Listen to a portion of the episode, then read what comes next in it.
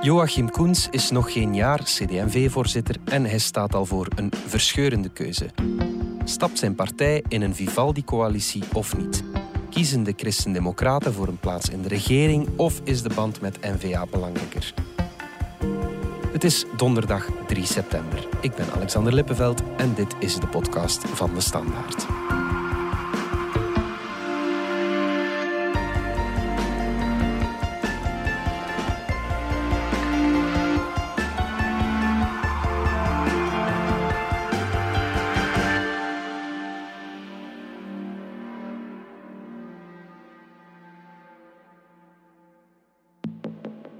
Simon Andries, politiek journalist. Voor de duidelijkheid, we nemen deze podcast op woensdag op. Het zijn bijzonder moeilijke tijden voor CD&V. Voor welke keuzes staan ze juist? Ja, ja, absoluut. Ik denk dat ze op dit moment echt voor een, echt een existentiële keuze staan in de geschiedenis van, uh, van hun partij. Ja, de keuze is op zich eigenlijk redelijk simpel. Ze staan nu voor de keuze om ofwel in de Vivaldi-regering te stappen met uh, liberalen, socialisten, groenen en dus uh, CD&V erbij. Of de keuze om daar niet in mee te gaan en dan wacht ofwel een uh, rol in de oppositie, uh-huh. ofwel nieuwe verkiezingen. Ja. Dus uh, de, de keuze is op zich redelijk eenvoudig, maar de beslissing is dat duidelijk niet. Het zijn dus moeilijke tijden voor CD&V. Hoe moeilijk is het dan om als journalist iemand bij de partij te pakken te krijgen? Ja, dat is natuurlijk uh, moeilijk. Dat is niet evident. Mm -hmm. En vooral ook omdat er, uh, ja, er wordt heel veel gezegd op die, uh, die partijbestuur. Daar komt ook wel ja, redelijk wat, daar moeten we niet over liegen. Daar komt ook wel redelijk wat van ook bij journalisten terecht. -hmm. Dus we krijgen daar wel een redelijk goed zicht op, op wat dat daar precies aangekaart wordt op het partijbestuur. Um, maar, en, en dat is dan misschien wel typisch CD&V, is dat iedereen mij ook zegt, op het partijbestuur uh, wordt heel open gesproken, wordt die, uh, de keuze voor of tegen Vivaldi continu aangekaart, alles wordt op tafel gelegd. Maar op het einde van de rit, op het einde van het partijbestuur, ja, volgt er nooit een definitieve keuze. Mm-hmm. Ik kan intussen al de voorbeelden op meerdere handen tellen dat ik zelf in mijn auto ben gesprongen om naar de Wetstraat 89 te rijden, partijhoofdkwartier van CD&V, om daar te wachten op een uitslag of een communicatie uh, naar het partijbestuur. Een nieuwe D-Day is al, uh, denk ik, al twintig keer aangekondigd. Ja. Zoals dat er mij iemand nog vertelde van, vanuit het partijbestuur. Het is nu gewoon aan de voorzitter om knopen door te hakken. Mm. Anders blijven we gewoon palaveren. Ja, dat toont toch aan uh, welke moeilijke positie dat CD&V en zijn voorzitter zit. De gevolgen zijn heel groot voor de partij. Um, wat zegt het hart van voorzitter Joachim Koens, denk je? Ja, dat is al een, uh, al een moeilijke eigenlijk. Want als we kijken naar uh, het begin van zijn korte periode als voorzitter, dan heeft hij er altijd voor gekozen om die banden met de NVA wel aan te trekken. Goede gesprekken gehad met uh, NVA-voorzitter Bart de Wever. Altijd gepleit samen met ook de leading lady Hilde Krevits, Mhm. beide uit West-Vlaanderen, Mhm. voor een, een Vlaamse meerderheid als absolute eis voor die federale regering. Mhm. Dus zijn parcours hiervoor is altijd heel duidelijk geweest, is altijd die Vlaamse meerderheid geweest. Maar ja, nu dat hij uiteindelijk voor de definitieve keuze staat en nu we dreigen op uh, nieuwe verkiezingen af te stevenen, ja, dan is het natuurlijk nog net iets moeilijker uh, dan, dan daarvoor. Het land staat voor grote uitdagingen. Faillissementen die komen, de koopkracht van de mensen, de zorgsector, de werking van de overheid. Dat is een eerste. En de tweede is, welke ploeg zal dit kunnen doen? Uh, er is een suggestie, maar... Uh, jullie, gaan jullie verder op een andere piste gaan dan ik? Wel, ik denk dat we moeten uitgaan van het feit dat er een vertrouwen moet zijn in het parlement. En dat, een meerderheid dus. En dat heeft een meerderheid nodig. En die zit er nog niet in. Hè? Dus er is nog geen meerderheid voorhanden. Dus ik denk dat wij daar moeten even over praten hoe dat we daartoe komen. Daar gaan we het even over hebben. We zullen dat even overleggen hoe dat we dat best doen. We hebben een nucleus of een kleine drie partijen in deze regering. En die gaan nu samen overleggen hoe dat wij tot een meerderheid kunnen komen. Eigenlijk moet hij kiezen tussen zijn principes van we gaan voor die Vlaamse meerderheid en een bepaald staatsmanschap van dit kunnen we niet maken. We moeten ervoor zorgen dat er een regering komt. Ja, absoluut. Dat is het eigenlijk wel. Want Zoals dat hij zelf ook aangaf, nog maar twee weken geleden op een uh, persoonlijk Facebook-bericht. Dat was toen naar aanleiding van uh, 75 jaar CVP, CD&V. Uh, dus uh, iets toch waar dat ze heel trots op zijn. Uh, maar toen gaf hij zelf al aan van, kijk, de geschiedenis heeft altijd aangetoond dat wij als CD&V altijd onze verantwoordelijkheid hebben opgenomen en altijd gezocht hebben naar een, naar een compromis, ook als dat moeilijk was. Dus hij is het eigenlijk aan de geschiedenis van zijn partij was verplicht om niet zomaar uh, nee te zeggen en mm -hmm. om uh, uh, niet zomaar in de oppositie te stappen. Egbert Lachaert, die nu koninklijk opdrachthouder is, gaat voluit voor de Vivaldi-coalitie. Wat moet hij CD&V bieden om hen te overhalen? Ja, wel, het lijstje van CD&V is op dit moment wel redelijk lang. Mm -hmm. Vorige week heeft het partijbestuur bij CD&V nog een lijstje opgesteld van 14 inhoudelijke punten, waarvan de moeilijkste punten nog altijd de ethische kwesties zijn. Ja. De abortuskwestie, waar dat nu al heel lang over uh, gediscussieerd werd. En die stemming is ook al een paar keer uitgesteld. Mhm. Dat is een hele belangrijke voor CD&V. Ja, laat, laat die abortuskwestie nu net iets zijn wat Open VLD en MR op tafel legden als voorwaarde voor Paarscheel, maar dan het omgekeerde we willen dat die hervorming er komt. CD&V zegt dat net niet te doen. Hoe valt dat te verzoenen? Ja, klopt. En het meest sprekende, en dat maakt het ook zo moeilijk nu, is dat uh, net MR-voorzitter Georges-Louis Boucher en Joachim Koens daar nog heel zwaar over geclashed hebben, nog maar een maand geleden. Mm -hmm. Net uh, een van de belangrijkste punten van MR is juist dat dat de vrijheid moet zijn van de parlementsleden om daarover te beslissen. Joachim Koens wil juist absoluut dat in de regering daar nieuwe afspraken over worden gemaakt, dus dat daar niet zomaar over kan gestemd worden. Mm -hmm. Ja, die standpunten staan lijnrecht tegenover elkaar en dan maakt het natuurlijk uh, vreselijk moeilijk ook voor Lachaert nu om, om daar er valt geen gouden middenweg in te Nee. vinden. Zoals in andere punten wel te vinden valt, maar in deze niet. Mhm. En CD&V heeft ook al een paar keer heel duidelijk laten verstaan dat ze ook daar niet kiezen voor een gouden middenweg. Uh, er moeten duidelijke afspraken gemaakt worden in, uh, in de regering daarover. En dat is trouwens ook een van de redenen waarom dat ze op dit moment die sprong niet willen wagen. Net omdat ze geen gebetonneerde afspraken krijgen over die, uh, die ethische kwesties. Wel, er was het, de uitbreiding van abortus die op de Kameragenda stond. En wij hadden verwacht dat dit zou verwezen worden naar commissie omdat wij dit een zo belangrijk punt vinden. Het gaat over een uitbreiding van 12 naar 18 weken, wat 4,5 maanden is. Het gaat daarboven over het wegnemen van de strafbetalingen en de bedenktijd. En dat lijkt ons echt te vergaand. Vandaar hadden wij dit graag in een overleg gestopt, zoals de andere belangrijke thema's voor ons, in een regeringsonderhandeling. En dat was eigenlijk de afspraak dat wij dachten dat dit zou gebeuren. Een ander belangrijk punt voor CD&V is het communautaire. Ja, een nieuwe staatshervorming was in de campagne altijd een van de belangrijkste speerpunten van toenmalig voorzitter uh, Wouter Beke. Dat ging toen vooral over de gezondheidszorg. Heel veel extra bevoegdheden moeten daar uh, toch naar Vlaanderen komen, omdat het iedereen aangeeft op het terrein dat het op dit moment niet werkt. Dat heeft de coronacrisis ook wel wat aangetoond. Mm -hmm. Maar ook daar staan ze eigenlijk lijnrecht tegenover het standpunt van, uh, van de liberalen, die juist zeggen van, kijk, het is geen zaligmakend iets om alles naar Vlaanderen zomaar over te brengen. Nee, we moeten kijken naar wat werkt het meest efficiënt. En dan moet daarover kunnen gediscussieerd worden. Maar dat is ook iets wat de CD&V niet wil. Die willen gewoon een, nieuwe staatshervorming en een, een duidelijke bevoegdheidsoverdracht naar, uh, naar Vlaanderen. Ja.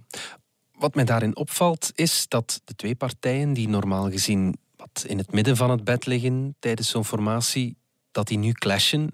Hoe komt het dat het tegenwoordig net bij die partij in spaak loopt?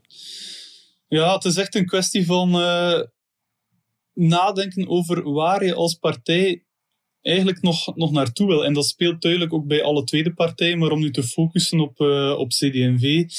Uh, die partij staat echt, zoals er straks al gezegd, voor een existentiële keuze. Heeft een heel zware verkiezingsnederlaag geleden. Die moeten nu echt denken van met welke punten en met welk profiel uh, willen we het verschil maken. Ja. En dan is de grote vraag, kan dat wel. In zo'n Vivaldi-coalitie Mhm. met eh, zeven verschillende partijen, waarin het sowieso ergens een compromis zal moeten gevonden worden, maar een compromis kan ook uitdraaien op een, een soort van verwatering van de standpunten. En dat leeft ook heel sterk bij een deel van CD&V, eh, van welke stempel kunnen wij eigenlijk drukken op die regering en, en kunnen wij daar nieuwe kiezers mee, mee, mee lokken. Mhm. En, en dan is de vraag, dat, komen we trouwens ook op het punt waarom dat een deel van de partij aandringt om het premierschap eh, te krijgen. Omdat het premierschap zowel voor CD&V als Open VLD ja, de manier is om ondanks een regering die misschien niet het scherpste profiel zal hebben, maar toch het verschil te kunnen maken puur qua zichtbaarheid. Ja. En krijg je dan niet het imago van postjespakker te zijn? Ja, uiteraard. En daar is eh, iedereen nu ook eh, ja, heel beducht voor. Mhm. Het, het valt op dat daar heel weinig over wordt gezegd, ondanks eh, dat het heel duidelijk is dat er wel degelijk al wordt gepraat over ministerposten, over staatssecretarissen, over het premierschap. Dat is deel van de onderhandelingen. Maar uiteraard wil, wil niemand dat gezegd hebben, want dat is inderdaad de reden waarom dat ja, een deel van de bevolking net een die goed krijgt van de politiek Mhm, mhm. omdat het te veel over die, eh, die postjes gaat. Maar het blijft gewoon een vaststelling dat eh, dat een, een belangrijk deel is van de onderhandelingspuzzel. En dat ze ook daar op dit moment ja, niet uit geraken. Mhm.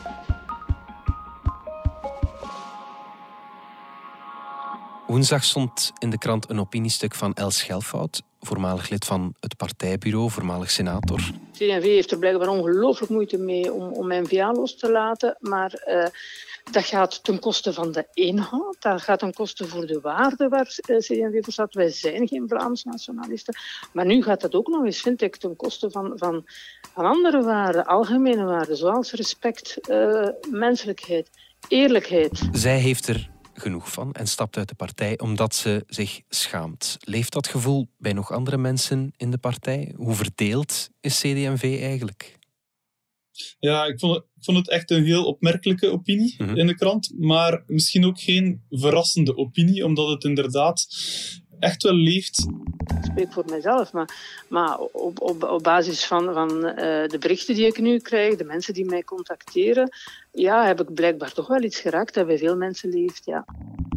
Ze spreekt dan over een, een CD&V-voorzitter zonder slagkracht en de misplaatste afhankelijkheid van Vlaams nationalisten die alleen tot doel hebben verdeeldheid te zaaien en te kunnen heersen. Mhm. En zeker dat laatste is eh, een gevoel dat bij ja, een deel van die CD&V-leden echt leeft, die hun eigen koers willen varen, die merken dat CD&V toch nog krampachtig blijft vasthouden aan eh, hun voormalige kartelpartner eh, N-VA.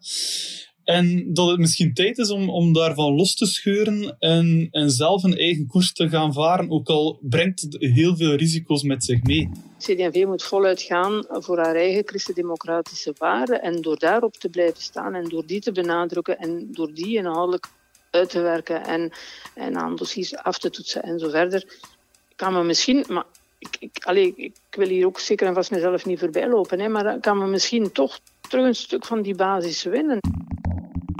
Alleen, eh, zoals die Els Schelfhout een, eh, een, een belangrijke opinie binnen de partij vertegenwoordigt, is er evengoed een belangrijke stroming binnen de partij die juist die bannen met N-VA nog, nog verder wil, wil aanhalen. Die merkt dat er in de Vlaamse regering wel goed samengewerkt wordt met N-VA Mhm. en die daar, eh, ja, die daar absoluut nog altijd voor staan.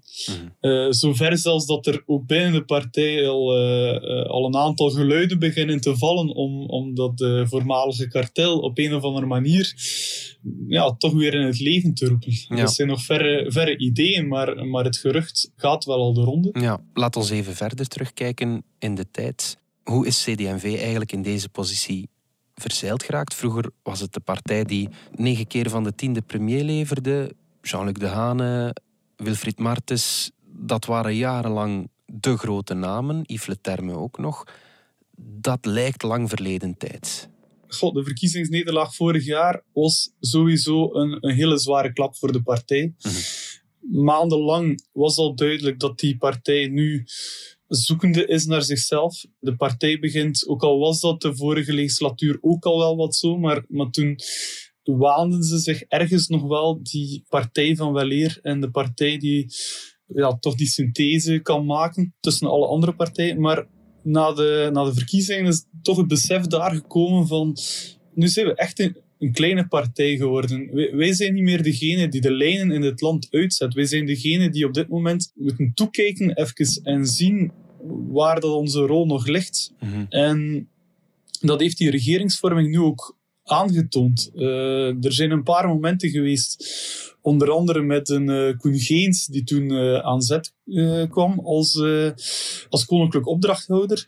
Maar ook toen hebben ze moeten vaststellen van, ja, wij zijn hier niet meer de partij die het grote verschil maakt. Mhm. En die nieuwe realiteit, daar wordt ja, Joachim Koens nu ook mee geconfronteerd. En ook met de keuze waar dat hij voor staat. En is dat zo'n nieuwe realiteit? Is, is dat niet al sinds het einde van de regering De Hane in 1999 zo? Ja, voor, uh, voor een stuk wel natuurlijk. Maar het grote voordeel van CD&V als centrumpartij is dat ze altijd wel opnieuw terug nodig zijn. Dus dat ze zich altijd wel in het midden van het bed bevonden en op die manier nog altijd uh, een deel van hun macht uh, konden behouden. Maar vandaag is dat voordeel misschien een nadeel. Ja, dat klopt inderdaad. Vandaag zijn ze nog kleiner, kleiner dan ooit tevoren. Mhm. Liggen ze weliswaar nog altijd in het midden van het bed, maar zijn ze zo klein geworden dat ze eigenlijk mathematisch zelfs niet meer nodig zijn in die uh, Vivaldi-coalitie. Mhm. Dus de echte uh, zware hefbomen zoals ze die ja, de voorbije jaren misschien wel nog hadden, ja, die zijn er nu niet meer. En nu proberen ze misschien wel nog wat uh, boven hun gewicht te boksen en hun onderhandelingspositie zo sterk mogelijk te houden. Maar de realiteit is nu eenmaal dat die voor die Vivaldi-coalitie mathematisch niet nodig zijn. En dat die ook wel beseffen dat ze een rol zullen spelen in die regering, die, die gewoon niet de belangrijkste rol is. Mm. En opnieuw, dat is ook de reden waarom dat er uh, ja, een deel van het partijbestuur ook pleit om daar Koen Geens nog in, uh, in het premierschap te krijgen. En net omdat hij op die manier wel nog die illusie levendig houdt dat de CD&V de partij is die, die toch nog een beetje de touwtjes in handen heeft. Wat, Hmm. wat eigenlijk niet meer het geval is. Is het premierschap of niet, regeringsdeelname of niet, is het eigenlijk sowieso het einde van het oude CD&V dat we nu meemaken? Ja, dat denk ik absoluut wel. En uh, ik denk ook uh, dat de partij het zeker de laatste week is beginnen beseffen voor welke existentiële keuze dat ze eigenlijk staan. Ze weten welke keuze dat ze ook maken, dat het niet meer de oude CD&V van, van tevoren zal zijn. Het zal altijd een CD&V in een nieuwe positie zijn. En dat zal ook sowieso, en daar zijn ze zich ook van bewust, dat de partij hervormd moet worden. Mm. Maar de keuze waar ze nu voor staan, zal echt wel bepalen welke richting dat ze kiezen. Om het nu ja, nogal cru te stellen, um, de keuze om in een uh, Vivaldi-regering te stappen, is ook wel de keuze om zich af te zetten van NVA, om daar ja, een volledig eigen geluid in te gaan proberen te vinden. Maar dat kan automatisch, en dat is het risico dat ze daar ook beseffen. Als dat niet lukt, om zich dan in een Vivaldi-regering een nieuw profiel aan te meten, ja, dan is die partij gewoon gedoemd om op te houden te bestaan. Want dan kunnen de CD&V-kiezers evengoed voor N-VA kiezen in de oppositie. Of ze kunnen gaan kiezen voor Groen, uh, bijvoorbeeld, die in de regering dan zich eventueel bewezen heeft als een betrouwbare coalitiepartner. Dat is een groot risico dat ze nemen. Net zoals dat evengoed een keuze is om toch in de oppositie te gaan met N-VA. En dan het risico te lopen om ook in de oppositie te verbleken naast ja. uh, N-VA en Vlaams Belang. Dus ze staan voor een gigantische opgave waarvan dat dit nu de eerste stap is. Dat iedereen binnen de partij goed moet beseffen dat de keuze die ze nu maken uh, ja, echt een, een, een, toekomstbepalende keuze is. En, en sowieso langs beide kanten, iedere keuze brengt ook het risico met zich mee om electoraal afgestraft te worden en, mm -hmm. ja, en nog verder het, het einde van die christendemocratie in te luiden. Goed, Simon Andries, dankjewel. Graag gedaan. Dit was de podcast van De Standaard. Bedankt voor het luisteren. Wil je reageren? Dat kan via podcast.standaard.be. Alle credits vind je op standaard.be-podcast. Morgen zijn we opnieuw.